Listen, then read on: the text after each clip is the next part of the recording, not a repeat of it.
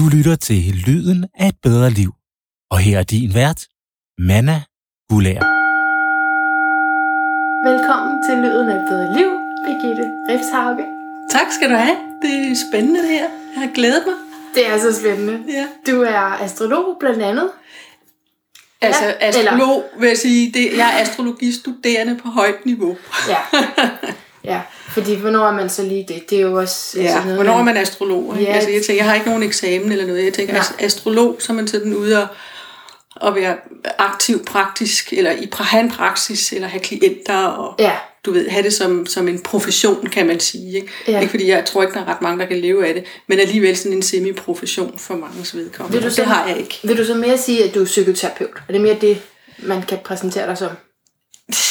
Ej, du, ja, Heller ikke. nej, fordi jeg er jo faktisk blevet fritaget for lønarbejde. Ja, Ikke? ja, Så, så hvis man skal give mig en etikette, som der står på Danmarks Radios uh, interviews, så hedder det førtidspensionist. Og så tænker jeg, det skal der ikke stå. Ikke? Så ja, Ej. psykoterapeuten er nok den, der er øverst. ja, Ikke? okay. Og så kommer astrologen nedenunder. Ja. Og så kommer der en skribent nedenunder den. Ja. Ikke? ja, og det er netop det der, de skrivelser der, det er, altså grunden til, at jeg gerne vil tale med dig, er jo, at jeg fandt din blog, som har de her, hvad jeg i hvert fald kalder astrologiske prognoser eller vejrudsigter. Ja, Og så tænkte jeg, det er spændende, fordi jeg kan finde en hel masse øh, på engelsk, men ikke så meget på dansk om lige præcis, hvad, hvad er det, der sker lige nu med øh, planeterne, eller det, som sådan kan påvirke os. Jeg ved ikke, Ja. om, det, om du kalder det energien, eller om du kalder det planeter. jeg kalder det planeter. Planeter, ja. Ja. ja. Men det skaber en energi i os. Ah, det er sådan. Fordi energi er jo noget, der udgår fra en, altså, du ved, en, energi er lige masse i bevægelse, som Einstein vist nok sagde noget om. Ikke? Altså, så der, skal være, der skal være noget, der skaber den her energi. Og det er jo også mennesker, blandt andet. Ja. Ikke? Og det er planeten. Ja, Den har også en energi, fordi den bevæger sig rundt om solen i en konstant cirkelbevægelse. ja. Det er det, jeg mener, med- det er det, energi kommer fra, sådan set. Ikke? Men jeg kalder det planeter. Nu kan vi godt komme ud i en... Altså, så energien er... her. Nej, det, jeg vil gerne forstå det, fordi mm-hmm. energien, det er også, men planeterne er ligesom bare, det altså, er statisk. Eller, Nej, de er ikke statiske. Nej. De bevæger sig konstant. ja, de bevæger sig, ja. Men det er forudbestemt, hvad de, hvor de skal bevæge sig hen, Det, mener det er beregnet, hvor de er. Ja, Det er simpelthen tabeller, vi har. Ja. Du kan se, jeg har en bog her, der hedder En efemeride. Ja, jeg har Ikke? godt set Den er sådan fyldt med tal. Er det ikke sådan, at i gamle dage, så slog man op i sådan en bog, Jo. hvor man skulle læse horoskop frem for at... Jo, øh, man beregnede øh, øh, horoskopet, du ved, i, med, med sådan logaritmer og, og, og med forskellige formler og ting og sager. Beregnede det i hånden, tegnede det op i hånden, og så brugte man den der bog, efemeriden, stjernetabellen, til at se, hvor planeterne er på et hvilket som helst tidspunkt. Ja, I fortid og fremtid. Og lige, og lige nu. du bruger den også. Jeg bruger den som et overblik, ja. Ja, okay. Men så er jeg jo virkelig nysgerrig for at høre, hvad, hvad der astrologisk er på spil lige nu. Lige nu. Hold da op. Ja. så, jamen det ved jeg ikke, altså ændrer det sig? Vil du sige, at det ændrer sig fra minut til minut? Ej, ikke fra minut til minut. Nej. Fra time til di- time, fra dag til dag. Månen, den er den hurtigste. Det er ikke en planet, men en måne. Ja. Men skidt nu med det. Vi kalder den for en planet for Okay. nemheds skyld. Mm. Den er den hurtigste i horoskopet. Okay. Den hurtigste planet i horoskopet, Ja. som går rundt fra dag til dag. Ikke? Altså, den, er, den, er, den har et døgn, på, altså, den er to og et halvt døgn, tror jeg nok, det er, om at gå igennem et tegn. Ikke? Så igennem, i, i løbet af en måned, så har den været hele horoskopet igennem. Ikke? Så Okay. den er forholdsvis hurtig. Ja. Og den viser noget om vores stemni- stemninger, og vores behov, og vores altså stemninger, der skifter i løbet af dagen, og øh, i løbet af ugen, og hele tiden sådan den der, hvis du for eksempel lægger mærke til dine følelser i løbet af 24 timer, mm. så vil du se, at jamen, det skifter hele tiden. Ikke? Og det er sådan set det, månen er et udtryk for. Og når vi taler om astrologiske prognoser, så, så er det jo altså os alle sammen. Ja, Eller hvad? det kan være både personligt, og det kan være kollektivt. Vi kalder det det kollektive horoskop, når det er os alle sammen, det Ja. gælder, ikke? Okay. Vi har jo tre ting i horoskopet. Der er planeterne, som er dem, der sådan ligesom er aktørerne, det er dem, der handler. Så er der tegnene, som planeterne arbejder igennem. Det er de to, vi bruger som det kollektive horoskop. Fordi så har vi husene, som er den tredje matematiske faktor. Ja. Der er, der er bestemt af tid og sted. Ja. Og lige så snart du har tid og sted, så har du jo ligesom en kontekst. Mm. Ikke? Så er det dig, det handler om, eller mig, det handler om, eller det her land, det handler om, eller hvad det nu er. Ikke? Men vi kan også se på det fuldstændig kollektive, og bare kigge på planeterne, og hvordan de aspekterer hinanden lige her og nu. Det vil alligevel vise nogle tendenser, nogle, ja, du kan sige energier måske, Mm. som er fremherskende lige i øjeblikket. Ikke? Og som man så er mere eller mindre påvirket af. Ja, og Så nogen er mere eller mere, Ja. påvirket, andre mindre. Det kommer ind på, hvordan ens eget horoskop ser ud. Ikke? Ja. Okay. så, så hvad, hvad, kan du, hvad kan du sige om, hvordan situationen er lige nu?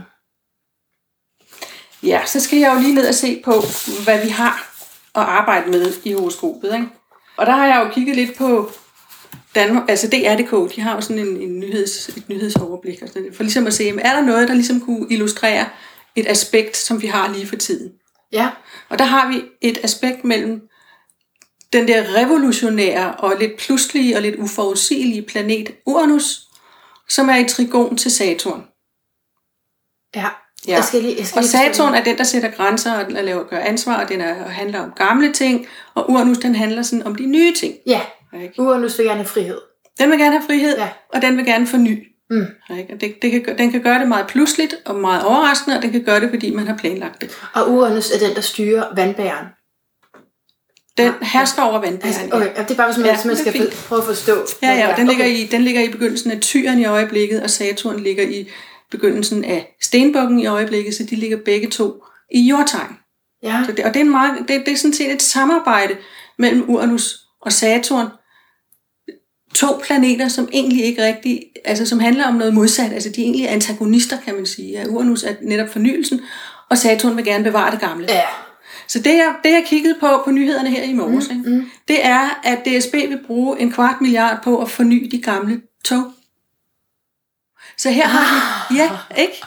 Så her har vi fat i noget genbrug. Det er faktisk ret sjovt. Ja.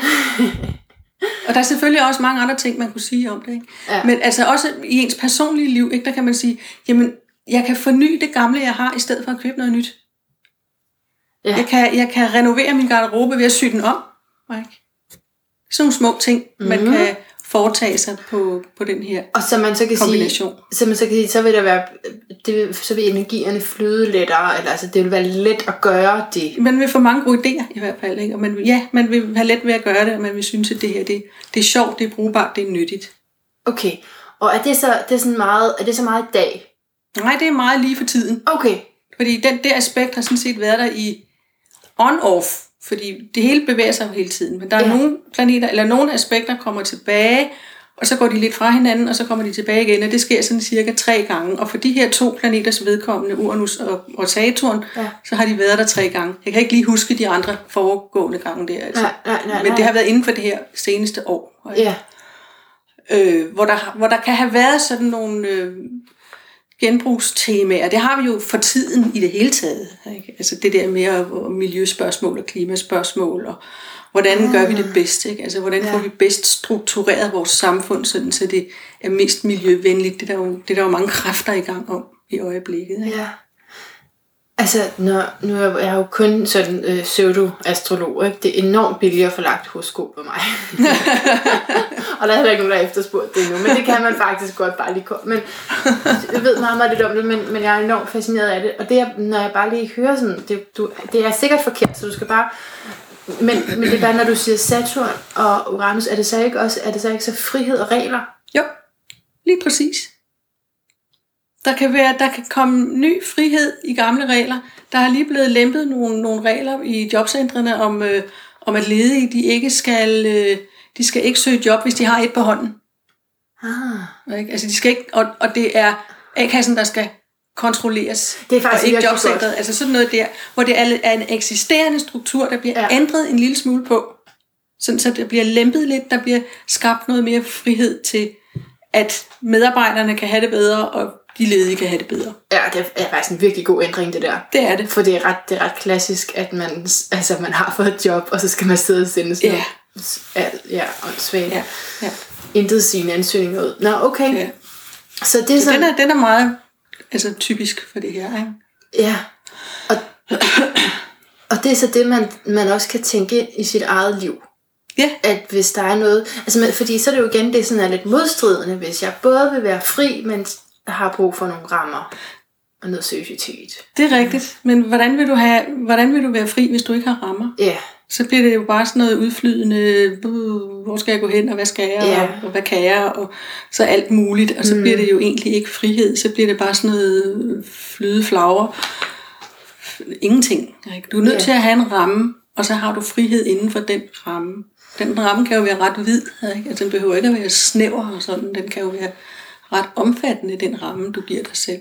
så, så, det er en god tid, tænker du? Jeg synes, det er godt, ja. Ja. Fordi, også fordi det er et trigonaspekt, og det jo betyder, at der er flow i det. Ikke? Altså, Okay. det, er ikke, det er ikke sådan et spændingsaspekt, der giver, der giver problemer eller konflikter eller noget. Nej, det, er sådan, det, er sådan, det er noget, vi, vi er i dialog om det her, vi aftaler at gøre sådan her. Ikke? Altså, men så kan man have sin indre dialog, og man kan have det med nogen. Ikke?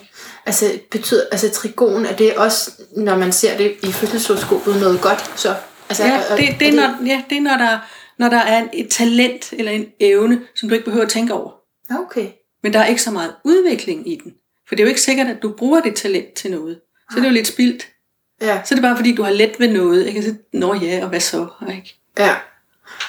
Er det de der trekanter inde på fødselshoroskopet? Der er trigonerne? Ja, Det er det. det er okay. tre, trekant-symbolet, man bruger som trigonsymbol. Ja. okay, Og det er 120 graders aspekt, så de ligger i det samme element. De planeter, der er lavere trigonaspekt. Det ligger i, i det samme Element. tegn? Element, Det er det samme element, jordelementet. Ikke? Altså, der er jord, tre jordtegn, tre ildtegn, tre lufttegn og tre vandtegn. Okay. Så når der er tre, så er det en trigon. Ah. Og lige her i weekenden, der har der faktisk været en stor trigon, hedder det så. Fordi solen har lavet trigon til Uranus og til Saturn. Og lavet en meget, meget smuk sådan... Altså jeg tænker, hvis man har holdt fest, eller man har, man har, der har været noget glæde ind over det, og, og, og noget fornyelsesenergi, og noget sådan, øh, altså meget behageligt øh, i forhold til det her med noget nyt og noget gammelt. Altså ny vin på gamle flasker, eller gammel vin på nye flasker, eller hvad man nu gør. Ja. Ikke?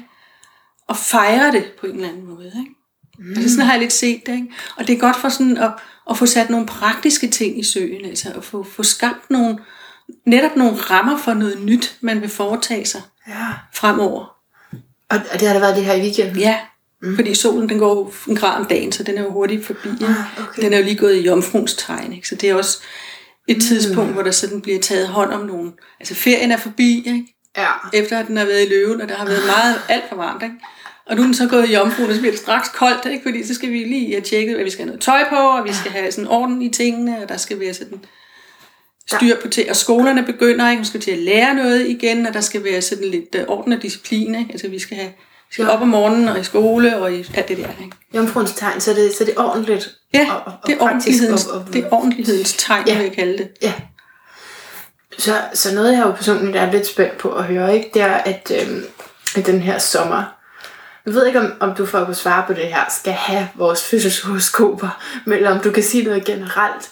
Men der har været en hel del spændinger mellem mig og min kæreste.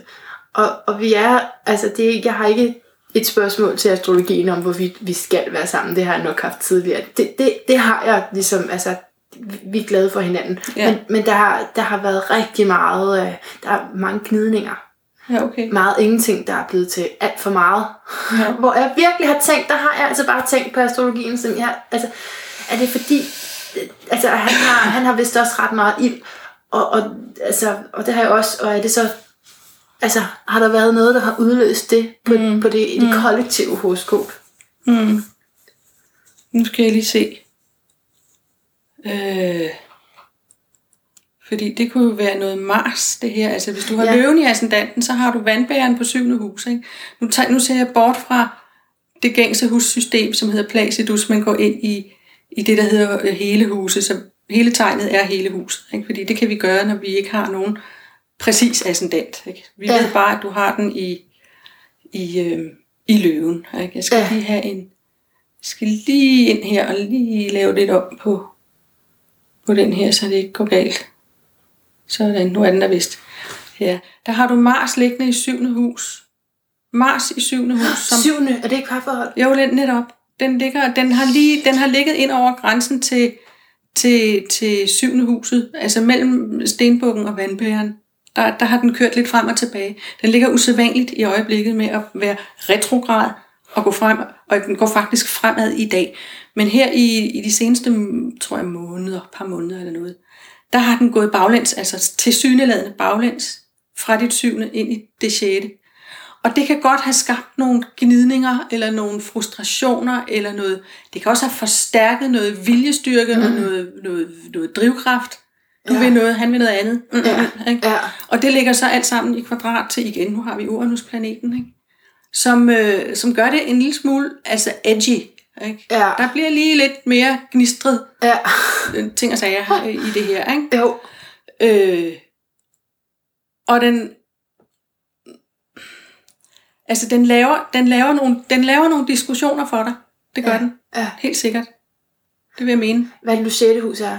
Sjette hus, det er sundhed, sygdom og arbejde. sundhed. Ja. Hverdagen. Altså Ja. alle de der hverdagskedelige ting og sådan noget der. Der ligger den lige nu.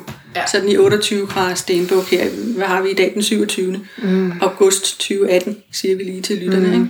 Mm. Ja. Så vi lige ved, hvor vi er. Ja.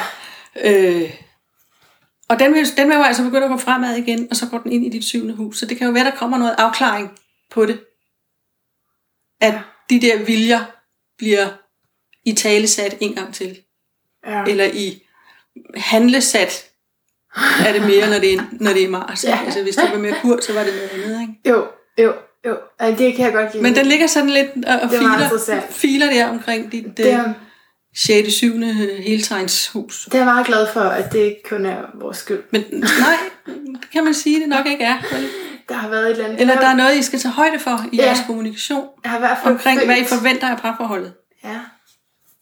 Ja. Hvor meget frihed skal der være i det? Uranus er en frihedsplanet, og når den laver kvadrat til Mars. Så er der nogen, der vil... Nu rykker jeg lige med albuerne. Ikke? Have noget Ja. frihed. Der vil have, jeg vil have noget plads her til at Ja. være den, jeg er. Han vil være den mand, han er. Ja. Jeg går ud fra, at det er en mand. Ja, det er en mand. Ja. ja. Det er, det er Det kan man jo ikke vide i disse tider. Han er, han er rigtig meget mand. Ja. Uh, nogle gange Okay. meget mand. Har Mars i syv. Ja, altså... Altså, vi bliver altid gode igen jo. Men det er, Ja. tit, det er tit sådan noget med, at jeg ikke har... Det er jo mest min skyld, det hele. Du har ikke så meget tålmodighed til ham. Nej, nej, det jeg synes det er. Jeg synes, det er ham, der ikke har tålmodighed til mig. Det er jo, men det er jo så meget, der laver problemet tit. Det er jo mig, man skal være tålmodig med, hvis jeg... Ja, og det er svært, når man har alt det der i skytten. Ja, er det det? Du har jo Uranus og Mars liggende i konjunktion i skytten. Og hvad betyder Må det? man så? godt sige, det er højt. Det må man godt. program her. det må man godt. Jeg synes jo, at horoskop er en meget privat ting. Ikke? Så man skal jo lige Det sikre kan, sig. du, det kan du godt have ret i. Man kan sikre sig, man skal sikre sig, at det er okay. Og Ja. nogle udsagn Jo, personligt jo, dig. jo, jo, jo. Etisk. Men den du har, ja, præcis. Ikke? Du har Uranus og Mars i, i, i konjunktionen i skytten. Og den kan godt gøre dig noget ilter. Ja. Opfarende. Nej. Hvad? Nej? Det tror jeg ikke mig. Åh, nogen, nogen, altså, men det er det der med at blive presset på, ikke på de rigtige, på de forkerte knapper. Ja. Det er jo det. Så, Og det er det med i parforholdet, hvor jeg synes, det er virkelig next level selvudvikling. Det er parforholdet, fordi ja. alt det, man kan selv og tage stilletid, og alt det her, man kan arbejde med sig selv, det eksploderer bare i parforholdet, fordi der er ligesom er en anden, der Skal du skal blande sig. eksplodere eller ekspandere? Jeg sagde eksplodere. Okay. Og hvad jeg lige mener med det, det er jo, at det kommer jo igen an på, hvor meget ild man Det er har. fordi, fordi skytte har noget med at eks- ekspandere. Okay, så det ja. var jo lidt sjovt, at jeg hørte lidt forkert Ja. der, ikke? Ja, Jamen, det vil jeg meget Skytten gerne. er et Jupiter-tegn. Jupiter gør alting større. Ja, Jeg vil gerne have det stort. ja du vil. Ja. Ja. Ej, men, men altså, det, og jeg tror, nu, det er bare fordi, nu siger jeg mand, og så er det jo ikke sikkert, det gælder for alle. Det gør det nok Det ikke. gør det nok ikke. Det gør det. Nu bruger vi det så bare her. Men, men altså, mand og så jeg, der, der er det, når, der kommer en partner ind, at det bliver rigtig svært. Ja. Altså, det er next level selvudvikling. Det, der, er- ja. der er endnu mere på spil. Føler du, at du sådan meget skal bøje af for en partner? Og jeg føler, at jeg bliver, det, det bliver spejlet. Det kommer lige op i mit ansigt, alt det der er galt med mig. Ja. Fordi der er en anden, der skal prøve at rumme det og tåle det. Han skal kunne rumme dig. Er alt mit rod. Ja. Fordi du er sådan et lidt, en lidt, lidt kaotisk personlighed. Jeg, de jeg vasker ikke godt nok op. Nej. Jeg brænder morgenbollerne på. Du Ja. ved. Men det er altså noget, du ikke gider. Jo. ja, det er det. Ikke? Ja. Solen i fisken. Og du har også Jupiter og Venus i fisken. Ja. Ikke? Ah, vi skal lige noget andet. Altså, Vi kan vente med det der til i morgen, og ah, det er ikke så vigtigt det. Så pla- samtidig med det, Mm. så har du Neptun nede i 6. hus i Stenbukken. Neptun hersker over fisk. Og når Neptun, som er en vandplanet, går ind i et jordtegn, så bliver det til noget mudder. Ikke? Ja. Det der vand, eller det der jord. Ikke?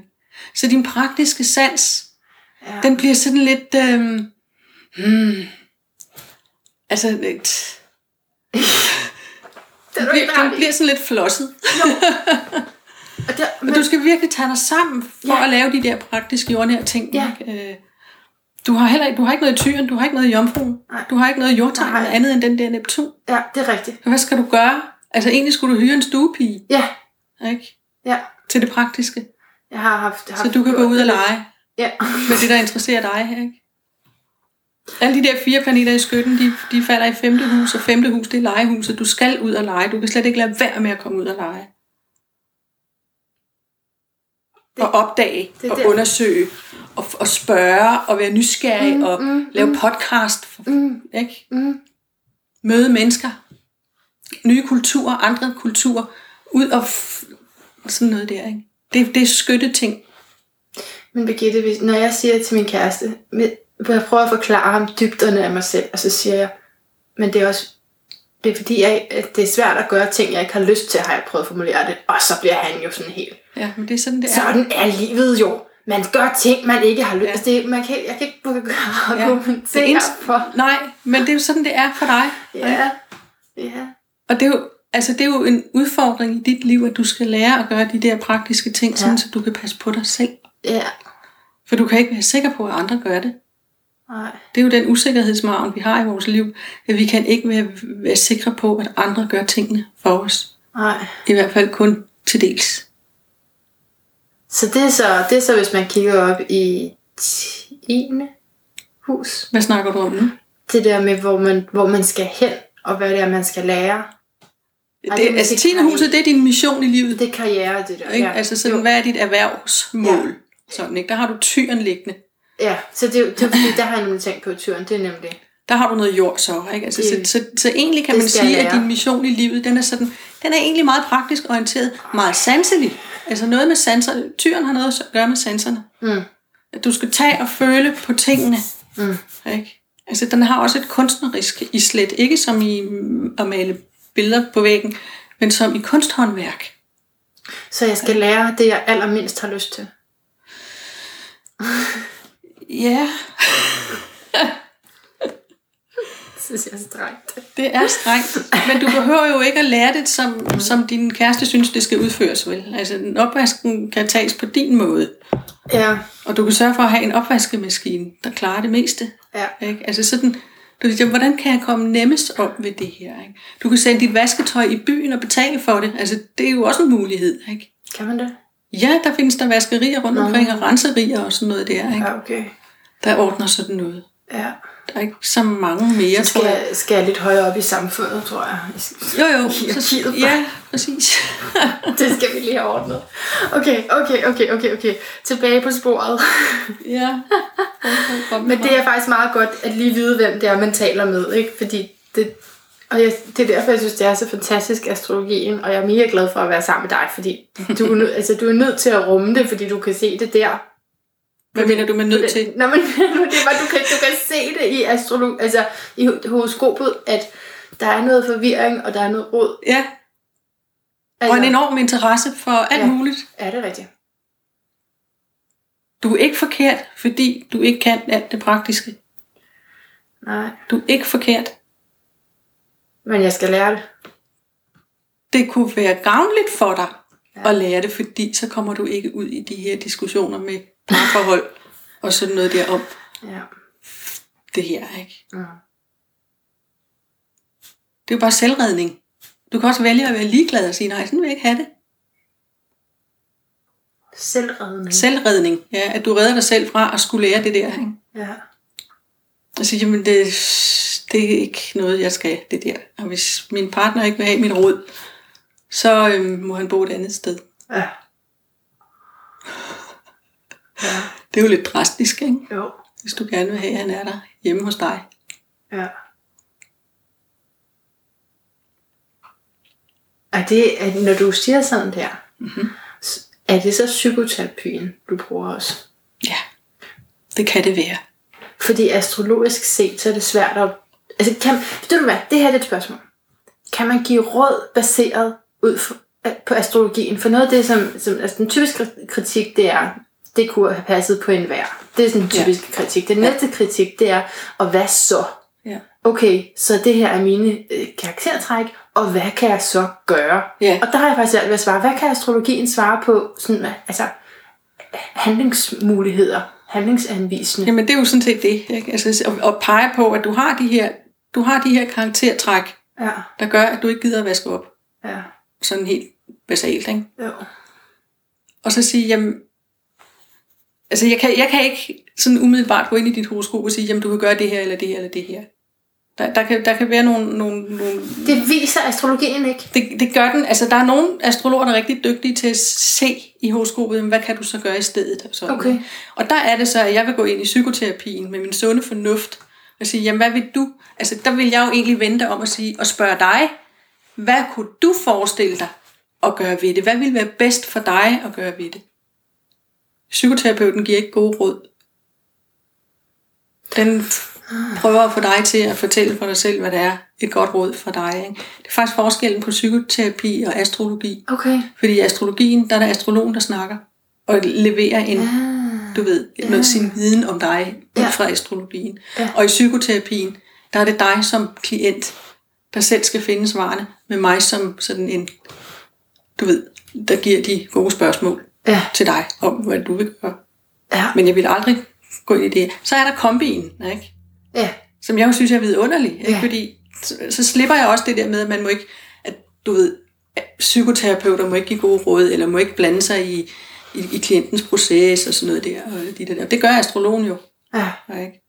Og jeg kan godt lide den kombination, ikke? fordi jeg Jo. kan gøre brug af det, jeg, det, jeg kan fra, fra psykoterapien, og samtidig være astrolog på, på et etisk grundlag. Altså, det må være helt vildt svært at, at have den astrologiske indsigt, og så, og så gå ind i noget helt andet, hvor man ikke må bruge den. Ja. Det må være Ja. vanvittigt provokerende. Ja. Ja. Jeg, bare, bare den lille viden, jeg har om de forskellige tegn, der synes jeg, det er svært at lade mennesker være, Ja. uden lige at høre, kan, kan vide, hvad for altså, hvor er din måne, og sådan Ja. noget. Det synes jeg er, Ja. det er næsten, jeg er næsten nødt til at få svar på det selv, ja. mere end, mere end de har tit. Men det giver, det giver så meget indsigt. Ja. Altså, når du har den indsigt med astrologien, så kan du jo som, hvis vi siger psykoterapeutisk klient, når du er i terapi, meget hurtigt komme ind til sagens kerne. Ja. Arbejdet med det er det samme. Ja, det er det der Og det tager jo, ind til, hvad og det tager jo masser af år, ikke? Ja, altså ja, at, komme, at komme til bunds i det arbejde, hvis man nogensinde gør det. Ikke? Men man kan, man kan udvikle sig meget hurtigere i virkeligheden. Ikke? Ja. Kom, kom, altså, det er jo ikke sådan, at man skal sige, at når mit horoskop siger sådan her, og så er det sådan, og så kan jeg ikke lave om på det. Nej, Det er så er man ude på et skråplan, fordi sådan er det ikke. det er jo lige det, det ikke er. Nej, fordi horoskopet bevæger sig jo. Ja. Ikke? Du udvikler dig jo hele tiden. Ikke? Og du kan, du kan have dit horoskop op på et højere niveau hele tiden. Jeg kan sige, jamen, jeg vil ikke bruge det på det laveste niveau. Jeg vil ikke med en Uranus-Mars-konjunktion i skytten, går jeg ikke ud og skyder mennesker. Jeg hiver den op, sådan så det bliver et frihedsarbejde, jeg gør. Sådan at vi alle sammen kan være frie og have det godt og handle frihed og sådan noget der. Ikke? Du ved, Mars er våben, Nå, Uranus er voldsom, nå okay. ikke? Bang. Det kan det være, ikke? Og, og står, Hvis- det i mit? står det i mit? Hvis man har den, hvis man har den laveste fællesnævner, og ikke har lært, at det gør man ikke. Ja, okay.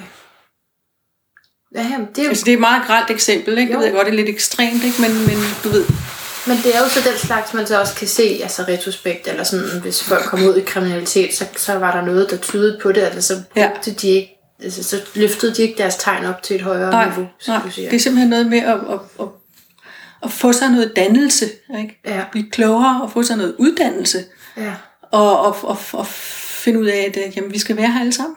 ja.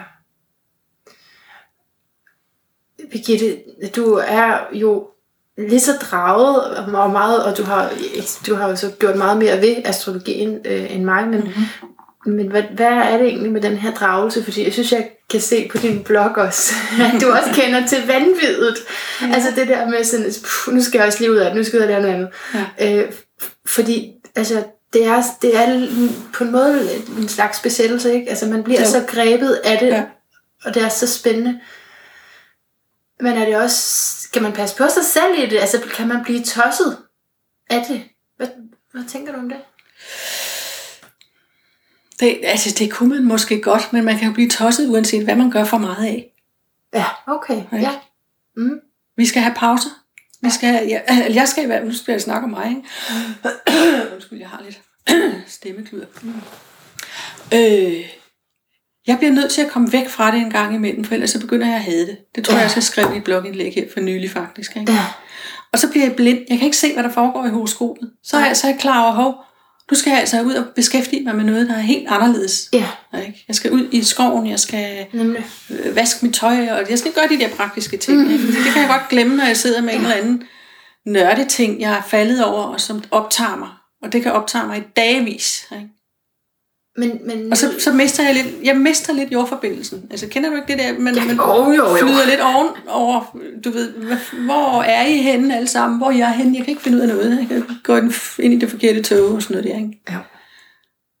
Altså, Det- danse, yoga, Ja. koldt brusebad, Ja, sådan akut, ikke? ja. Jo, Det er rigtig godt. Ja. Og så lige lade det ligge et stykke tid, og så komme tilbage til det. Men det er bare noget andet end så meget andet, man kan blive grebet af, synes jeg. Altså fordi for, for mig det jo... Jeg synes også, jeg har mange dage lige for tiden, hvor jeg ikke ved, hvad der skal ske. Ja. Jeg vågner op, og så har jeg jo... Jeg har, jo, jeg har, øh, der er masser i kalenderen, det er ikke på den måde, men det er bare, jeg, jeg skal møde mennesker, ja. og, og det betyder, at jeg ikke kan forudsige, hvad der skal ske. Ja. Det er i hvert fald en lille smule ukomfortabelt. Det- ja, altså, det, ja, det ikke helt uden for komfortzonen, fordi så ville det være sådan noget med at skulle, skulle lære at surfe og s- sådan noget voldsomt noget. Det er ikke helt uden for komfortzonen, men det er stadigvæk, øh, hvor, jeg vil, hvor jeg vil ønske, at jeg kunne bruge nogle astrologiske redskaber til bare lige at forberede mig lidt på, hvad der er, der skal ske. Hvad der er, der skal ske. Og jeg tænker, at at det er vel, er det også, jeg tror, er det derfor, der, dem der er astrologisk interesseret, er det også den her lyst til at, at forudsige? Ja. Altså for mit vedkommende, tror jeg, det udspringer af en, og det var det allerede tidligt. Jeg har jo haft astrologi inde i livet, siden jeg var cirka 16, da jeg mødte det første gang, og så lærte jeg det først rigtigt, da jeg var sådan i starten af 20'erne, mm. jeg kom i gang. Mm. Men jeg har tydeligt kunne mærke, at det er en måde at forholde mig til kaos på. Mm. Fordi jeg synes, livet er kaotisk. Er Og jeg- at forholde sig Ja. til kaos. Ja. Det der med ikke at vide, hvad der skal ske Ja. i fremtiden, og den der usikkerhedsfaktor, som vi jo alle sammen er underlagt, vi ved jo virkelig ikke, hvad der skal ske. Vi er kun lige her, lige nu, og der er ikke andet. Der er simpelthen ikke andet. Alt det andet, det er fortidstanker og fremtidstanker. Ja. Det findes jo ikke. Altså, da du kom her, inden du kom, jeg var jo, du ved ikke, altså lidt flagrende og sådan noget der. Det var jo den der usikkerhedsfaktor, fordi hvad Ja. skal der ske? Ja. Og det kan jeg ikke se i horoskopet, hvad der skal ske. Jeg kan jo se, at der er okay. nogle positive og gode aspekter og sådan noget. Jeg kiggede også i mit eget horoskop, og så, jamen, der er nogle fine trigoner og sådan noget til mit horoskop. Det skal nok gå, ikke?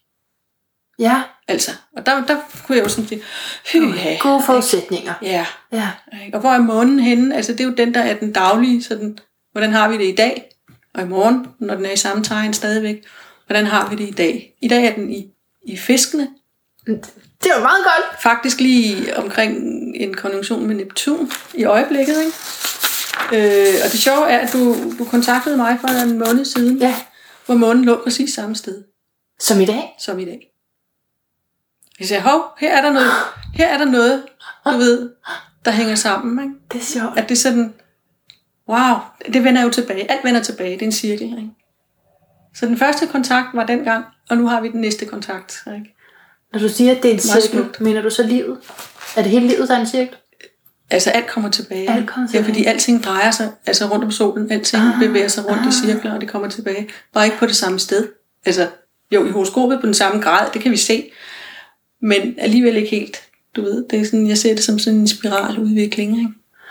Fordi universet udvider sig. Mm. Vi skal også have astronomien med. Ikke? Der er jo også nogle faktorer i det. Ja, Men det er en anden snak. Ikke? Nu er det sådan det her, hvordan kan jeg se i dag, det er den praktiske. hvad jeg skal gøre, og hvordan jeg ja. har det, og, og, og hvad, vil, hvad, vil, hvad vil være godt at gøre med månen i fiskene, for eksempel. Ikke? Det er at opholde sig i nærheden af noget vand. Okay. Helt lavpraktisk. Er det hele- Gå en tur rundt om søen. Vi har Lyngby Sø lige herude. Oh, okay. Vidunderligt sted at være. Ikke? Men det synes jeg gælder for mig hver dag, faktisk. Men At du det er en godt med fisk, vand. ikke? Ja, Så du har jo brug for det der ja, det er vand som, som fantastisk. afladning. Ja, ja. Jo. Men det er jo også, den er også rigtig god for fantasien. Altså gå ind i noget fantasi noget, og det, altså den laver sådan lidt, en- den kan lave sådan lidt en boble af noget, man går ind i, og, og det er sådan lidt hyggeputte, binge en serie på Netflix, kan det også være, ikke? Altså, hvis Men man gæld, og gælder det så alle tegn? Nu spørger jeg lige igen. Altså, det gælder det alle tegn så, når månen... Så er skifter den jo tegn, ikke? Ja, Om et par dage, så skifter den, så går den ind i vederen. Ja. Det er jo noget andet, ikke? Altså, fordi fiskene, åh, det er fluffy, det er flydende, det er drømmende, det er, det er sådan lidt øh, let, eller, ej, det er ikke let, det er faktisk meget dybt, hvis man, dybt meditation, ikke? Mm, Den er også der, ikke? mm, Så går den ind i væderen, så bliver den praktisk, så bliver den handlingsorienteret, så bliver den retningsorienteret. Ja. Den har ikke nogen retning i fisken. nej. Det er jo en af fiskenes, du ved, ja. det der med fokus, det er ikke lige så let. Nej, det er det ikke. Det må du nok vide lidt om. Det gør jeg. Og så i vederen, der får den, der får den retning. Altså, så bliver der gjort noget. Så fik den en god idé øh, nede i fisken. Den laver vi i vederen. Den udfører vi i vederen. Så bliver det manifesteret fysisk på en eller anden måde. Ikke? Altså, vi handler på det. Vi, kan, vi skal lige til maratonløb. Det bliver en god vederenergi. Men uanset om det er en, en tyr eller en stenbuk, der sidder og lytter med, så vil det der påvirke dem, hvor månen er henne. Ja, fordi den har jo, den har jo en, en, en, en, et aspekt på en eller anden måde til Ja. det tegn, Ja, stjernetegn, man er født i. Altså man Mm. kan sige, det er jo både solen, stjernetegnet, man er født i, så det er ascendanten, man skal tage højde for, Ja. ikke også? Den er lige så vigtig faktisk. ja, Altså når I læser horoskoper i bladene og sådan, ikke? ja. så læs også under Det er så vigtigt. Ikke? Jo. Det, det giver rigtig meget, og næsten nogle gange mere information. Ikke? Mm. Og så er der månetegnet, Ja. der hvor månen står. Ja. Men det der med ascendanttegnet, det forudsætter jo, at man har sit fødselstidspunkt. Ja, så man ved? Så man skal lige have, det kan man gå ind på noget, der hedder astro.com Ja, og finde. og, og finde, eller ikke at finde, Nej, men nej. man kan lave sit horoskop derinde, Ja, og man kan ja. se, hvad det er. Ikke? Eller, Ja. Ja, man skal lige kende sin, hvornår man, hvor og hvornår man er født. Ja, præcis. Så det er sådan lidt mere tricky. Men i hvert fald så er der sol- og månetegnene, hvor Ja. ja. man kan sige, jamen er, det, er månen i, en, i, i, i hvilket vinkelforhold er den til, til ens sol og ens øh, ascendant. Men den kollektive energi Ja, ja. ja, det er det. i fiskene, månen mm. i fiskene, mm. det mærker vi alle sammen som sådan en, en, en lidt... Den kan, være, den kan være lidt uvirkelig-agtig. Det kan være, der er sådan lidt uvirkelig-agtighed over verden i dag. Ah, Og så bliver den sådan lidt mindre uvirkelig, når den går over i vederen om et par dage. ah, Giver det mening? det gør det. Men jeg er også virkelig biased. Biased? Jamen, altså, hvad hedder sådan noget forud? Nå, jamen, du har dine forestillinger om Ja. astrologi, selvfølgelig. Ja, det har det er jo jeg. det, du spørger ud fra. Det er jo rigtig fint. Jeg, jeg hælder meget til astrolog, astrologiens. Ja. øh, sandhed, ikke? Ja. Og det er jo også, altså, det kan jeg jo også godt synes er, er små irriterende, at så, igen er der noget, der gør mig skør, at jeg tror på astrologi. Der er Synes du det? Der er så meget Er det sådan, du opfatter det? Ja, fordi det er endnu en ting, som nu synes folk, hun er helt wacky. Men jeg kan ikke lade være. Jeg kan Nej. ikke lade være at tale om det. Nej. Og jeg synes, det er så spændende. Ja. Og hvis jeg bare lige kunne få sådan først, bare lige en lille genkendelse af, at det, jeg siger om dem er rigtigt, så bliver jeg så glad.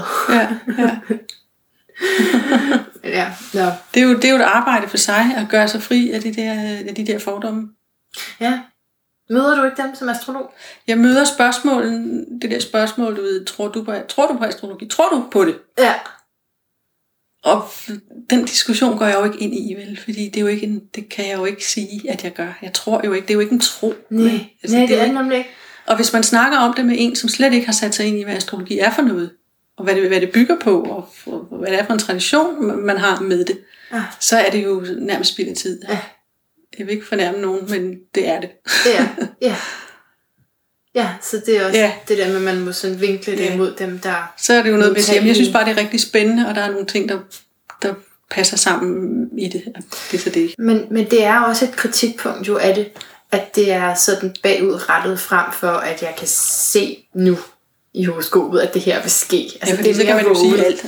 Ja, Så er det jo ikke, så er det jo ikke en forudsigelse, så er det jo ikke sjovt, men er det det, du mener?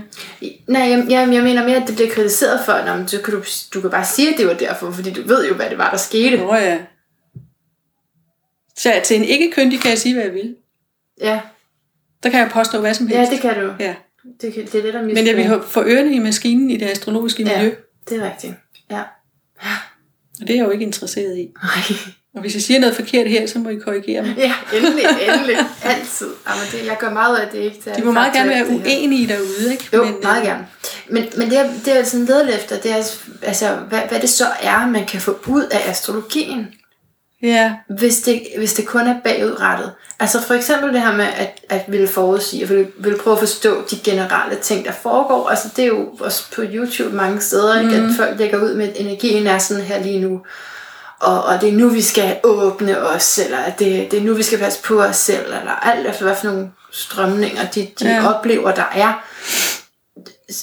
Altså, det er bare, om der er hold i det, og hvordan, hvordan jeg rent praktisk kan bruge det ja, her astrologiske værktøj. ja. Ja, jeg hører lidt forskellige ting Ja. i det, du siger. Ikke? Altså dels det der kollektiv, nu har jeg sådan en film kørende herinde ikke? Mm. i hovedet, øh, om hvordan jeg lige kan illustrere det. Fordi der er både det kollektive, og så er der det personlige. Ja, Ikke? Altså, og det er jo to ting, to forskellige ting omkring det samme. ja, Fordi du forholder dig ud fra dit ho- horoskop, dine forudsætninger, til det, der foregår i verden. ja, godt. Ja, Og verden, det er det kollektive horoskop. Ja, Der har jeg nemlig lavet et eksempel her, eller s- har jeg et eksempel, jeg kunne bruge godt. på noget af det større mm. i verden. Altså, den, den, altså vi har jo mikroverden, det, det er hjemme hos os selv, ikke? og så har vi ja. vores samfundsverden, og det, det er så lidt mere, og så har vi hele det globale, statslige, overstatslige, hvad sker der ude i, i de forskellige lande og sådan noget der. Ja. Der har Ja. vi jo haft nogle hændelser, det har vi jo hele tiden, mm. kan man sige, ikke? men der er mere eller mindre gang i den rundt omkring. Ikke? Jo. Hvis vi lige skruer tiden 30 år tilbage, så har vi cirka 1988-89. Der havde vi en Saturn-Neptun-konjunktion sammen med Uranus i starten af stenbukken. Ja, Det var det, du sagde, vi havde nu også. lige et øjeblik. Ja, det, der, vi har noget lignende lige nu, men okay. nu så bliver vi lige der ja, i, i 30 år tilbage. 88-89. Ikke? Jo. Der havde vi murens fald. Mm. Sovjetunionen gik i opløsning.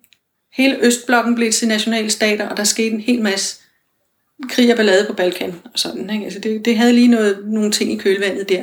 Men der opstod en helt ny struktur i de der, øh, altså det der unionsnåde over i Sovjetunionen, og kommunismen faldt, og det hele det blev anderledes. Ikke? Mm. Så begynder folk at tænke på en anden måde. Nu er der så kommet nye generationer, som slet ikke har haft del i den der kolde krig og i, i Sovjetunionen og i alt det. det. Det er historie for dem. Det er historie for dig. Altså, du var en lille pige på det tidspunkt. Jo, Ikke? jo. Øh. Og der kan vi se sådan et aspekt, som den der Neptun-Saturn-konjunktion. Neptun, der opløser, Saturn, der sætter grænser. Mm. En union går i opløsning. Ikke? Grænserne går i opløsning, Ja. bliver ændret på en eller anden måde. Ikke? Mm-hmm. Så har vi noget lignende, nu her 30 år efter, hvor Saturn er gået i stenbukken. Pluto ligger i stenbukken. Det er så ikke Neptun nu, det er Pluto. Pluto har ligget i stenbukken i, siden 2007-8, hvor vi havde en lille finanskrise. Der lige skabte noget røre her og der. Ikke? Nu går Saturn så ind i stenbukken, og så har vi nogle ting, der vedrører stater igen i stenbukken. For 30 år siden var det i stenbukken, nu er det igen i stenbukken. Ikke? Og øh, der er jo noget røre omkring, hvad EU er for noget. Ja. Ikke? Jo. Hvordan er Europakortet? Hvordan ser det nu ud? Ja, Ikke? ja. Vi har et Brexit, Ja. Der er på trapperne her i 2019. Ikke? Og hvad vil det bringe? Altså, hvad er det for nogle erfaringer, de får? Hvad er det nogle erfaringer, EU får med det? Mm. På det tidspunkt, hvor Saturn går hen over Plut- Pluto, det vil den gøre i starten af 2020, der kunne jeg godt forestille mig, at så sker der igen ikke en opløsning, fordi Pluto opløser ikke. Den har en anden energi. Det er død. Den har en, Det er død. det kan det være. Er det ikke? Det er sådan lidt ekstremt måske. Men den har en forvandlende energi. Nå ja. Den Jo. nedbryder. Den er allerede godt i gang med at nedbryde statsstrukturer på sin vej gennem stenbukken. Hmm. Ikke? Der, er, der er råd i mange regeringer rundt omkring, hvis du læser nyheder. Den nedbryder. Uden at jeg vil gå i detaljer omkring det, fordi Ja, ja. det er for meget. Ikke? Men den, den, den nedbryder, og den afslører de ting, der ikke fungerer. Altså alt, hvad der ikke fungerer, det bliver brændt til aske. Og hvad, gør der, hvad, hvad, hvad sker der, når, der kommer, når, når, tingene bliver brændt ned, så må man bygge noget nyt op. Mm. Ja. Jeg siger ikke, der bliver ild ud af det, men du ved, den der fuld phoenix, Ja. ja. der flyver op og fornyer sig hele tiden, fordi den bliver hele tiden brændt til aske, og så Så man bliver den fornyet igen, så genopstår den og genopstår den og genopstår den. Det er så i 2020. Ikke?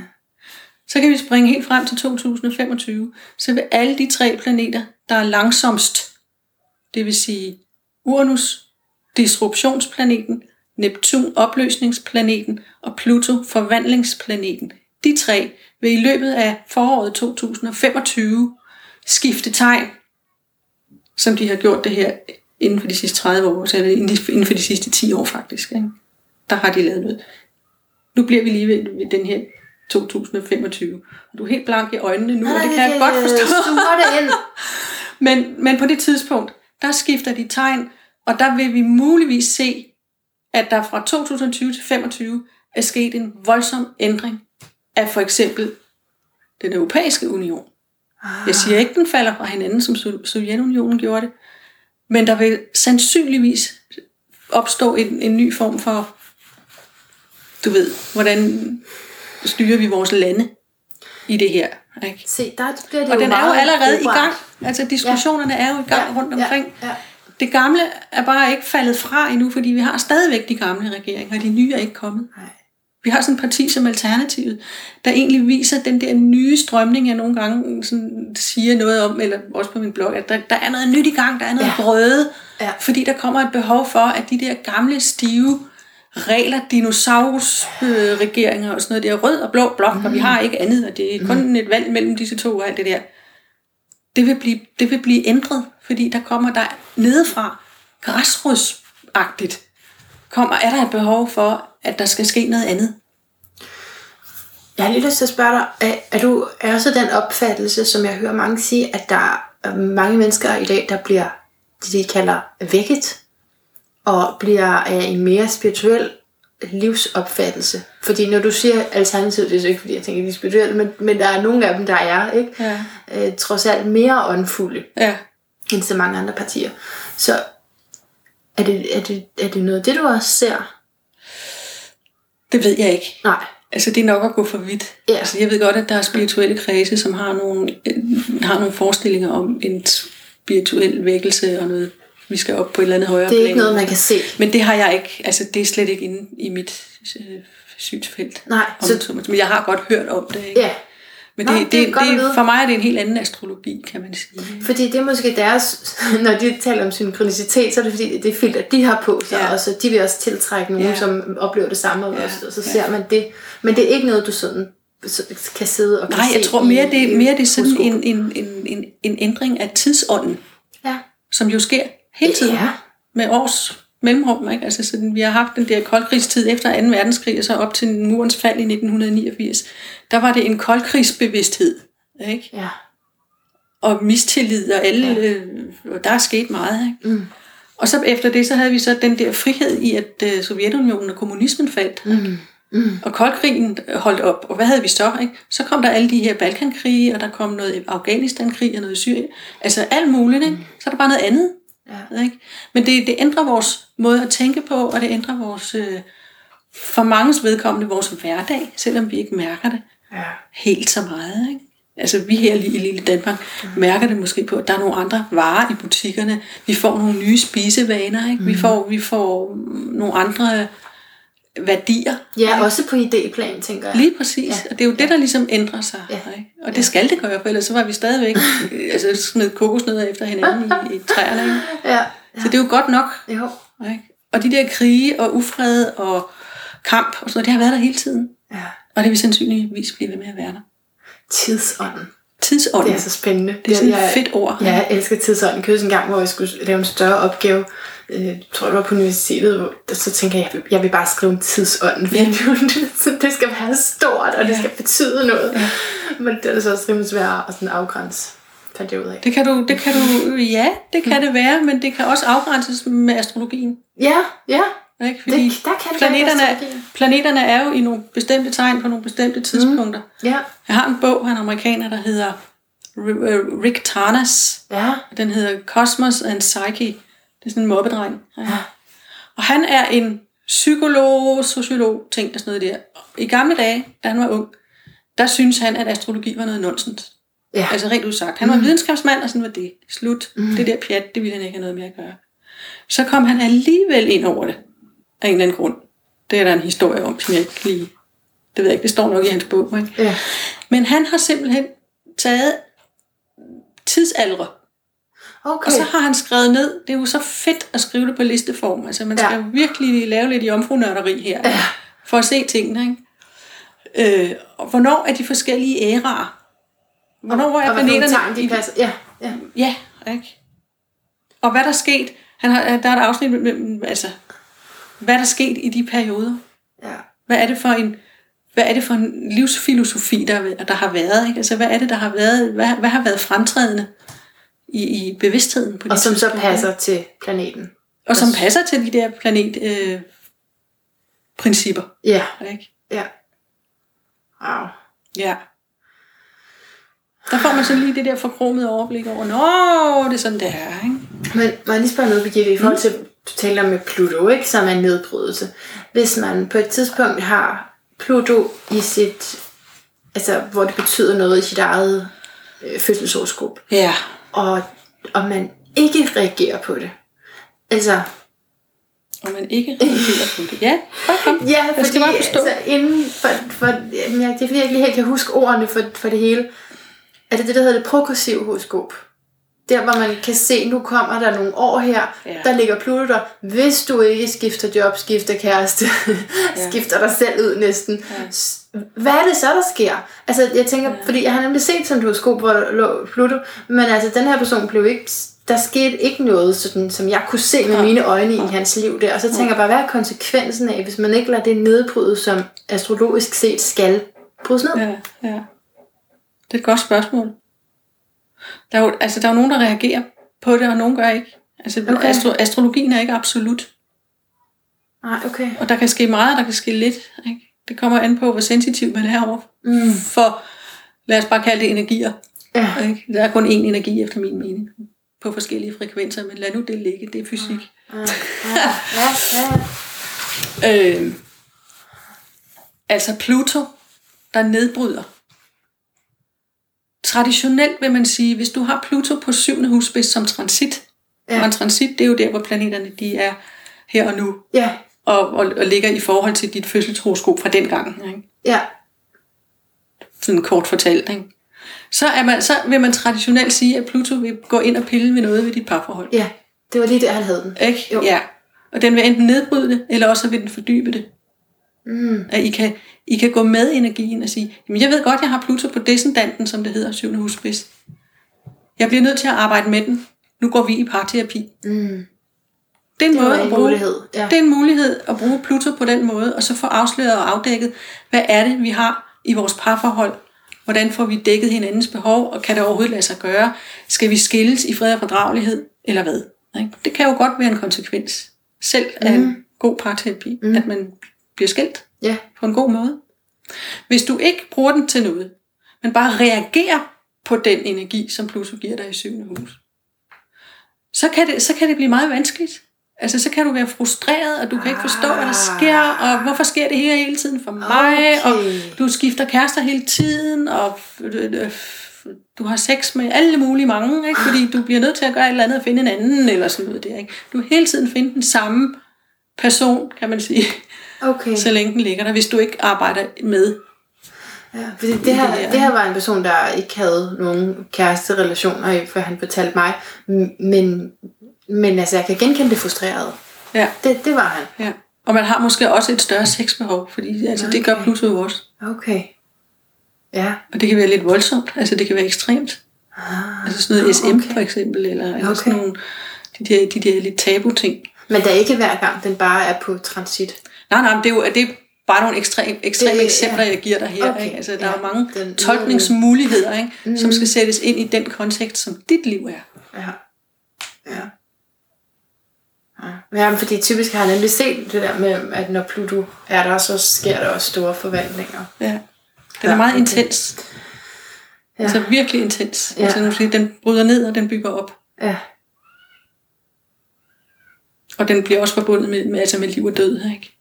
Og, det er så mennesker, som er født i tegnet skorpion, der vil kunne genkende det her. De har også, meget af det her. Ikke? Ja. Altså, det er sådan intense over sig følelsesmæssigt. Ikke? Jo. Og sådan, de kan være lidt tilbageholdende, og de, de kan ikke så godt lide at snakke om sig selv. Altså, de, de, er sådan lidt, de kan være lidt hemmelighedsfulde. Ikke, hemmelighed, men gådefulde. Ja. vil jeg hellere sige det. Ikke? Lidt gådefulde. ja. Og så de spiller lidt på det, ikke? Altså, når de er klar over, at de er gådefulde. Fordi det også har sådan en erotisk dragning, ah. måske, at være gådefuld. Ikke? Den, Ja. ja. den der gådefulde diva, der sådan... Ja. ja, ja, ja. Ja. Ja. Og så, men så kræver de dybde. De kræver dybde, ja, og så... Ja. Og de kan være menneskeforbrugere, altså hvis vi sådan, igen snakker ekstremt, ikke? Altså nu sådan, den der diva, ikke? Ja. Som forbruger mænd, Ja. ikke? Der er det jo også sådan, sådan hvad jeg vil kalde et lidt, lidt kedeligt udtryk, ikke? Eller sådan Ja. ja. lidt misbrug af den, ikke? Altså, jo. den jo også kan være vældig dybde psykologisk og Ja. ja. meget indsigtsfuld. Som er Fordi positive. skorpionen ikke har noget imod at gå ned i de der dybder, Nemlig. hvor det hele bliver lidt farligt. Det er det, jeg tænkte på. Følelsesmæssigt farligt. Ja. Det, det er skorpionen rigtig, rigtig godt. god til. Altså, der er jo mange psykoterapeuter, der har meget skorpion. Ja. Jamen, det er, for, det er så forløsende at være sammen med sådan nogle mennesker, som kan holde til det. Jeg Ja, også, jeg vil også som ikke er bange for det, ikke? Ja, jo. Som ikke er bange for at snakke om død. Mm. Fordi det er jo en del af livet, ikke? Jo. Altså, jamen, vi kan jo ikke være med det ene uden det andet. Nej, nemlig. Ja. Ja, jamen, der var her det sidste talkshow, jeg lavede med på Yoga Festivalen, hvor den ene sådan havde sagt til mig, du må endelig bare gå til mig. Så var faktisk først bagefter, jeg sådan forstod, hvorfor hun, hun havde sagt det. Jeg mener også, hun er skorpion. Hun er i hvert fald noget, der er i hvert fald en skorpion i hende. Øh, hvor hun altså siger, at, at det, var, det, er bare, det er bare, fordi hun kan klare at være på overfladen. Ja. Nå, okay, men jeg går altid, så går jeg altid til folk, ja. fordi det kan jeg heller ikke, vel? Så det, Du kan, ikke, du kan ikke smalltalke med Nej. en skorpion. ej, Det gider vi ikke. Nej. Nej. Jeg er ikke skorpion, men det gider de ikke. det skal handle om noget, betyder noget. ja. Det kan jeg godt lide. Det kan jeg godt lide. Så på den måde, man kan jo også bruge astrologien til... øhm, Jeg skal prøve at runde af, men det er ikke nemt, fordi jeg har mange spørgsmål til dig endnu. Men man kan også bruge astrologien til faktisk, og det er det, jeg synes, det er så plat, man ikke har gjort mere, at uh, matche lidt sådan, altså i hvert fald se på, hvad er det for nogle mennesker, jeg typisk er tiltrukket af. Men jeg vil så sige til dig, Birgitte, en gang øh, lige i starten, ikke? Mm-hmm. så hvor jeg nemlig fik blik for det her med, okay, jeg passer ret godt sammen med mennesker, der har meget af det der, og mindre af det der. Ja. Øh, så, så begyndte jeg at bruge det sådan lidt omvendt på mig selv, fordi jeg tænkte, jeg, fordi der var jeg også, øh, lige der var jeg også et sted, hvor jeg gerne ville rykke mig, og, og ligesom, der skulle ske noget i mit liv. Øh, der er jeg, jeg er tit det sted. Men så, så tænkte jeg, nu vil jeg prøve at finde dem, som jeg typisk ikke har noget altså, ja. til fælles med, fordi mm-hmm. så, kan, så kan det jo virkelig flytte mig. Ja. Og så, øh, prøv, så prøvede jeg faktisk med en, en, skyt, en der var skytte. ja. Men det var før, jeg vidste ikke lige, at jeg selv havde så meget skytte. Okay, Men, ja. det vidste jeg ikke der. Men, men der, der tænkte jeg bare på skytten som en, som jo altså, er meget nørdet, og det her var også en, som havde fået, altså havde, havde sådan et, et karriere nørdet job. Ja. Øh, en kvinde, som havde sådan en meget maskulin nørdet job, ikke? Øh, og, og var skytte. Og så, så tænkte jeg bare, det, var det ikke meget smart? Så gik jeg hen sådan og prøvede at blive venner. Det, men hun, ville, hun takkede nej, godt nok. ja. Men jeg tænker bare på tanken. Ja. Altså, det, der er jo en gængs idé om, at vi tiltrækker vores modsætning. Nå. Altså, det, de egenskaber, vi ikke selv har, finder vi i partneren. Ja, Det er Men... det der projektionsfænomen, ikke? Altså, hvor man lægger nogle ting over i den anden, som så udlever det for dig. Ikke? ja, Og det er så typisk det, du ikke selv har. Men Men hvis du, hvis du for eksempel tiltrækkes af en, eller der er en skytte, som du gerne vil være venner eller partner med, eller sådan noget der, ikke? så kunne jeg godt forestille mig, at der kunne give, det kunne give nogle gnidninger, fordi I ligner hinanden for meget. nå, Altså man kan sige, jeg vil gerne være sammen med nogen, der ligner mig, og som sådan lidt ved det samme. Og sådan noget. Ja, det er fint, men der kan også opstå en helvedes jalousi i det. Fordi du gør noget, som den anden måske gerne vil gøre, men ikke rigtig tør, og du ved, der kan Ja. være så meget. Ikke? ja. Men hvad tænker du om psykologien bag, og så tænker jeg går over til noget, som er helt modsat mig. Hvad skulle det være for en? Jamen, jeg Hvad er tror- modsat dig? Um, Hvis vi den, lige lader være med på troede jeg, det var skytten. Det var det så var det ikke. Men Nej. det er, det er jo en, som har øh, haft et job i lang tid. Jamen, det er sådan en tyr. Det er sådan en dem. Det er en tyr eller en stenbuk, altså jordtegnene, ja, som du ikke er så voldsomt beriget med. ja. Tyr, jomfru eller stenbuk? jomfru er også jomfru er nok det, Ja. der er fjernest fra mig. Ja. Vandtegn har du også rigeligt af. Ikke? Ja. Så jeg vil sige, at øh, lufttegn, der har du faktisk ikke nogen planeter ud over den lille Chiron. Ja, som det er rigtigt, det har jeg nemlig ikke. sådan lidt... Og det er jo sådan, en, det er jo sådan nogle tænkemennesker. Ja. Tænke, videnskab, øh, du ved, teorier, øh, indsamle, ud, udveksle journalister. Øh. ja, de synes tit, jeg er for usøs, de der mennesker. ja, det vil de sikkert synes. Ja, at jeg sådan... Så det er jo ikke de videnskabelige mm, mænd, du går efter, vel? Fordi hvis du skal have sådan en, en professor eller en lektor... Eller Nu har jeg en kæreste. Nu har jeg en kæreste. Okay. Nu har jeg en kæreste. Så, og han er også fisk. Men han har meget alt muligt andet også. Men, Ja. men, men det er egentlig bare mere sådan venskabeligt, jeg tænker. Ja. Bare sådan en match i forhold til også Ja. bare sådan, hvem man er sammen med, og hvad for en en venskabskreds Ja, man der skal du op. netop gå efter skytte og tvilling, hvis vi ser strikt på okay. Astrologien. Ikke? Fordi 11. huset øh, er vennehuset, og der har du øh, tvillingerne. Så det er, jo, det er jo noget med at udveksle idéer, Ja, og, og være, være på bølgelængde i samtalen. Ikke? Og, sådan, og, og, de er bare meget fluske også, synes de er jeg. meget, og de er meget smalltalkende og sådan noget der. Så hvis man ikke gider det der small talk, mm. så skal det over i skytten, som du har rigtig meget af. Ikke? Nå, Nå det hvis jeg skal Og have det skytten, modsatte. ja, og det er jo det femte hus, der skal du lege. Ikke? Altså det er der, Ja. hvor du, hvor du Ja. leger. Sådan. Ja. Ja. egentlig. Ikke? Og, par, og, og tætte venskaber kan også findes i syvende hus, og der har du vandbæren. Så det er også nogle alternativister måske, du skal have fat i der, eller nogen, der sådan, altså tænker ud af boksen, ja. ikke? Hvad hvis og man, som er med på, på nogle nye idéer, noget, noget lidt sådan, ja, ikke så mainstream. Mm. Det er, jo, det er jo det, der sker, ikke, når man går ind i astrologi, at man begynder at få den her slags mærkelige spørgsmål. Og det er godt, hvis man slet ikke er inde i astrologi, og man så tænker, what, skal man sidde og... Det er noget mærkeligt noget, men hvad betyder det egentlig for dig, at du har et astrologisk livssyn? Hvad det betyder. Ja, fordi jeg sidder jo, altså det, jeg tror, det er sådan lidt begynderagtigt, at jeg sidder og tænker på den her måde, men måske skal jeg få mig en ven, der er... Fordi det ved, kan vi jo ikke Du skal jo vide. begynde et sted. Ja. Jeg kan ikke engang huske, hvor jeg begyndte. Nej. Altså slet ikke. Det er, altså, jo, det var noget med at lære de der begreber udenad. Altså, hvad Ja. betyder Venus, hvad betyder Merkur, hvad betyder det ene og det andet. Altså Ja. simpelthen lære de der ord udenad. Ja. Det er så kedeligt. Ja. Og lære beregningerne, og lære alt det der i hånden. Altså dengang, det var før computeren. noget. computeren, ja. Hold nu op. Ikke? Men det, var- og det gik jo langsomt. Jeg har tyr med Merkur i tyren, så det går langsomt. Og jeg skal have lange pauser, og det hele skal lære sig lidt og sådan noget. Men det har, jo, det har jo altid været der. Så jeg kan egentlig ikke, jeg ved egentlig ikke, altså det er jo et rigtig godt spørgsmål, som jeg nok skal have et par måneder til at tænke over. Der skriver jeg et blogindlæg op. Øh, Ja, men det betyder bare rigtig meget. Ja. Fordi jeg ved, jeg kan mærke, altså, jeg vil sige, jeg, kom, jeg lavede et comeback til astrologi for cirka tre år siden, Mm. Hvor jeg begyndte at komme ind i på Irene Christensen Instituttet til mm. nogle kurser og workshops og sådan noget der, og fort, og hvad vi har. Øh, og fik nogle øh, sindssygt gode kontakter, og jeg blev opfordret til at skrive i horoskopbladet Stjernerne, Ja. øh, hvor jeg først var ved at gå i koma, og sagde, nej, det kan jeg da ikke, så meget astrologi kan jeg da ikke, altså virkelig sådan, af, det kan jeg da ikke. Og det viste sig, at det kunne jeg godt, Ja. ikke? og det har jeg jo så gjort lige siden. Ja. I tre år nu har jeg leveret stof, ikke? Jo. Øhm, og elsker det, og frygter det, fordi hver gang jeg skal skrive en ny artikel, så er det sådan en lille, jeg går katten om den varme grød. Jeg, jeg skal have et par måneder til lige at researche og tænke over den. Det- det er noget tyrens? Det er sådan tyrens langsomlighed og sådan noget Okay. der, ikke? Okay. Jeg har sådan frie hænder, du ved, hun pukker ikke på mig med deadlines og sådan noget der. Ikke? Nå, det er fint. Det er jeg jo rigtig taknemmelig for. Ja.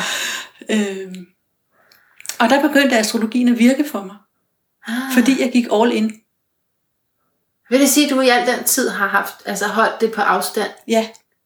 Og gået lidt til og fra, du ved. Og så har der været nogle venner, der har spurgt, ej, kan du ikke lige se, hvad der står i stjernerne? Jo, det kan jeg da godt. Men, men, men jeg har aldrig sådan, du ved, jeg, jeg, jeg har haft den forestilling, at det her, det kan jeg simpelthen ikke lære godt nok. Jeg bliver aldrig en Adrian Duncan. Det er lige præcis den Jeg forestilling, bliver jeg aldrig har. en Michael Lutin, som du har lavet et dejligt interview med, også Adrian. Ja, ja. og Lilian. Jeg bliver aldrig nogen som dem. Men nu er jeg kommet til den erkendelse, at det skal jeg heller ikke. Nej. Jeg gør det på min måde. Mm. Det er freestyling. Ja. Og det er, jeg går stadigvæk på kurser og workshops og sådan noget der, og holder mig lidt i miljøet, fordi jeg har brug for det der input. Absolut. Og den udvikling. Jeg elsker at snakke astrologi. Ja, Ikke? fedt.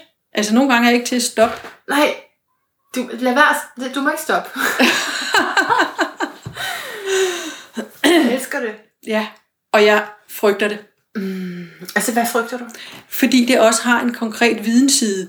Ja. Jeg skal huske, hvad de der begreber betyder. Ja. Jeg skal finde på eksempler på, hvordan det kan udspille sig. Ja. Især hvis jeg sidder med en, jeg laver et horoskop sammen mm. med. Ikke? Mm. Altså, jeg har ikke klienter som sådan, vel, men en gang imellem, så kommer der venner og bekendte og sådan lidt. Men kan vi ikke lige tage en snak? Jo, det kan vi godt. Ikke? Ja. Det er sådan godt og trygt. Ikke? Ja. Tyretrygt. øhm, og netop komme i tanker om alt det her. Men så har jeg opdaget, at min opgave er at komme med nogle stikord til, hvad det kan være.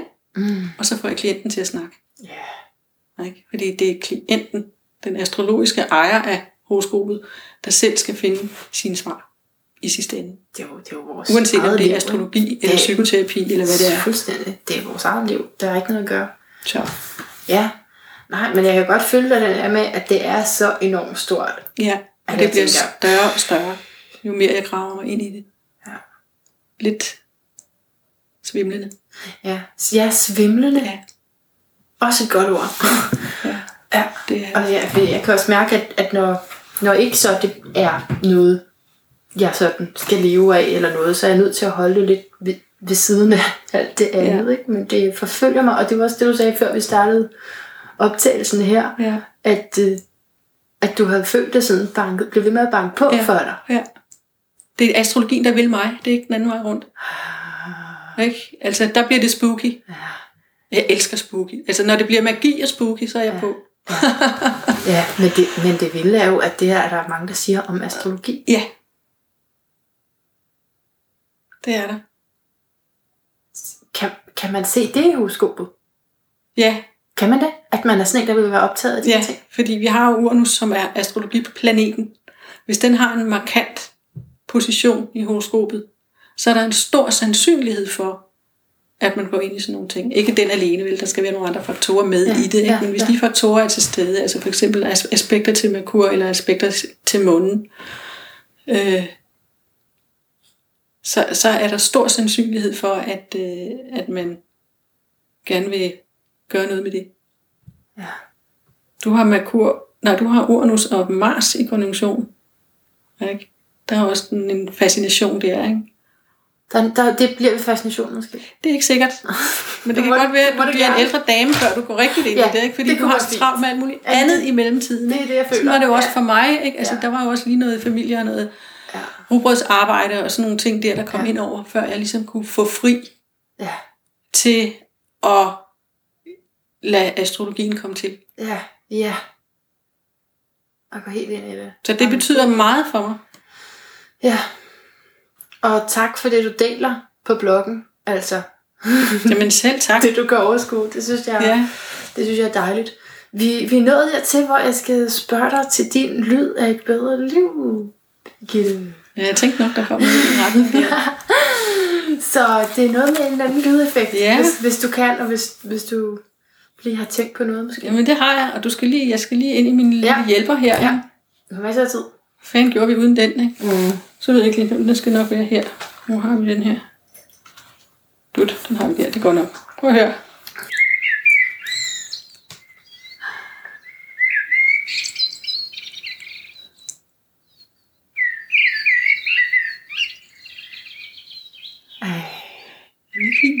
Er jo, Lyden af en solsort. er, det, er det lige præcis en solsort? Det er Det lige præcis en solsort. Da jeg boede i Svendborg, der havde jeg en solsort. Og den hed Georg. Jeg havde den ikke selv, men den kom i min have. Ikke? Ja, Og vi sang den gang, jeg drog afsted sammen. sammen. Sammen. Wow. Det er så ikke ham her, det er en anden Georg. Men ja, Der er også noget fantastisk i det der, at det ikke er din. Altså, men at, ja. Den, er, den var jo væk i midten af juli. Altså, der stikker de jo af. Ikke? Altså, de er der fra april til juli. og de yngler, ikke? Ja. Og så er de der om morgenen ved sol, på solopgang. Det kan man jo have eller elske, når klokken er fire om morgenen, når man bliver vækket. Ja. Og så er den der sådan omkring ved, ved solnedgang. Ikke? Mm. Og så er alt stille, og så er der bare den der lyd. Og jeg tænker, det er lyden af håb. Det er lyden af forår. Det er okay. lyden af... Æh, Ja. Smukt. Tak for det. Og tak for det her interview. Selv tak. Det var en fornøjelse. Og tak til dig, der lyttede med, og tak fordi du er blevet til outroen. Jeg kan jo så godt lide, at du lige bliver her og lige hører, hvad jeg har på hjerte. Så jeg, jeg, først og fremmest var det et virkelig fantastisk interview, synes jeg. Altså, det, jeg, synes, jeg synes, det var virkelig vidunderligt at interviewe en, der ikke på den måde havde noget på spil, sådan rent businessmæssigt. Altså det, det har vi andre jo, og derfor så jeg er jo også nødt til at gå rundt og sige, hey, prøv lige, har du, har du hørt om den 13. september, og de her events, jeg nu har, ikke? Øh, fordi jeg vil gerne have, at du kommer, og det, jeg prøver faktisk også at leve af det. Altså, så det, det, er sådan, det er jo både passion, men der er selvfølgelig også, altså hvis ikke der kommer nogen, så tjener jeg heller ikke nogen penge. Altså, så, så sådan er det jo. Og, og det kan jeg også mærke på mange af dem, jeg interviewer. Der er også en business-del, og så kan vi referere til det, vi kan lave. Så kan der være en særlig kode for dem, der lytter med. Der er, alt, der er hele den der business-del. Og der er nok noget, noget fisk i mig, som jeg godt kan lide, når det ikke er med i ligningen. Når, når sagen bare får lov at være sagen. Altså, jeg, jeg synes, det var forfriskende og vidunderligt at interviewe en, som bare vidste en hel masse om astrologi. Og, og, og så var det det. Værsgo gratis. Altså, hvad, altså det, det, være, jeg kan ikke, det er ikke fordi, jeg godt kan lide, at ting bare er gratis. Jeg kan faktisk godt lide, at man tager en pris for det, og det vil jeg sige, det burde Birgitte Riftshauge helt sikkert også gøre, når der er nogen, der ringer og spørger om, øh, kan vi lige, så burde hun helt sikkert også tage en pris for det, men der er jo sikkert regler om det, hvis man har fået en førtidspension. Det, det lad nu det ligge. Men, men jeg, jeg, synes bare, det var, det var ædelt. Det var dejligt. Det var, det var behageligt at få serveret nogle pointer, uden at de var sovset ind i, hvor vi kan finde mere altså, det, det, der, er, vi, der er jo virkelig mange steder, man kan finde mere, og man er nødt til, altså det her var jo bare et lille udsnit, og, og du skal ikke, jeg håber ikke, du faldt af i svinget der, hvor du ligesom blev nørdet. Jeg har sagt, at dem gerne må blive nørdet, fordi jeg kan godt lide, jeg kan faktisk godt lide at betale bare en lille smule hen over hovedet. Øh, det er nok bare, fordi jeg vendte mig til det. jeg kan godt lide, at der lige er, jeg skal lige steppe lidt op for at få fat i den viden der. Øh, så ja, og så er det også svært at snakke om særlig meget inden for astrologi, før end at det sker. Fordi altså, ja, man skal kende ret meget til det, før de der koder giver mening. Nå, men altså ja, jeg synes, det var, det var skønt, og det er selvfølgelig også, fordi jeg selv lige blev trukket ind i det. Øh, jo mere vi kan snakke om min personlighed og, øh, og befri den for, at den skulle være forkert, jo bedre har jeg det selvfølgelig. Men jeg vil så sige, det gælder også sådan set også dig. Eller det gør det, 100%, fordi det er derfor, jeg elsker astrologi. Det er fordi, at det her frisættende element i det, at vi ligesom kan se, okay, øh, der er noget i dig, der er noget på spil, også, altså planeterne her, som, som katalyserer, jeg kan ikke finde ud af at sige det vel, men som gør, at du bliver den, du er. Og så derfor så måske bare lidt mindre skam, kunne du føle, og måske kunne du også prøve at udnytte dit potentiale lidt mere, og måske kan du bare svøbe rundt i det, som, som jeg bruger astrologien til, nemlig at blive forstået, forståelsen af en selv. Ah, okay. Ej, det er virkelig rart, at du kan, altså, fordi det som mit horoskop mit fødselshoroskop beskriver, er 100% sådan, som jeg oplever det, og det er bare enormt rart at blive forstået. Det er der ikke særlig mange, der kan give mig. Alright, men jeg vil, jeg har jo så noget på spil, kan man sige, i modsætning til Birgitte Rifthauge her, som du jo skal ind, og du skal ind og tjekke hendes blog som minimum. Den linker jeg selvfølgelig til på Facebook, hvor hun hvis ikke er specielt aktiv selv. Men det, er jo, det, er jo, det er jo simpelthen så fantastisk ting, hvis man ligesom bare kunne sige, nu vil jeg bare altså, læse astrologi og psykoterapi og gøre de ting, der optager mig. Det er virkelig, jeg synes bare, jeg ved godt, at for mange af os, det kan det ikke lykkes i vores hverdag. Men hvis man på et tidspunkt kommer dertil, hvor man har et valg, så håber jeg da, at jeg i hvert fald selv bare bruge al den tid til at gøre, gøre godt. Altså at, at få indsigter, og så gøre godt for andre, ligesom Birgitte Rifshav kan gøre. Jeg synes, hun er top cool. Nå, men ja, som sagt, jeg har noget at spil, og derfor så vil jeg jo invitere dig til den 13. september. Det er en torsdag aften. Og det er inde på Frederiksberg, 2000 Frederiksberg. Godhusvej, 32, vores marked, det er fransk marked. Men det, det handler om, er sårbarhed. Så hvis du har øh, noget med, med sårbarhed overhovedet i dit liv, hvis, du, hvis der er noget, som er sårbart i dit liv, så kom. Please kom. Og husk at tilmelde dig, så at, at jeg er helt sikker på, at jeg kan gennemføre det. Og det gælder også alle de andre, jeg har sat op. Jeg har sat begivenheder op helt ind til februar. Februar 2019. Chok. Skal vi leve så længe? Men det skal vi jo. Så, så virkelig gå ind og kig på min... Hey, jeg har fået en hjemmeside, ikke? Jeg har fået en hjemmeside, der hedder mana.dk. Og der kan du gå ind og kigge på begivenheder, og, øh, og altså se hele vejen frem, hvis ikke du for eksempel er på Facebook. Alright.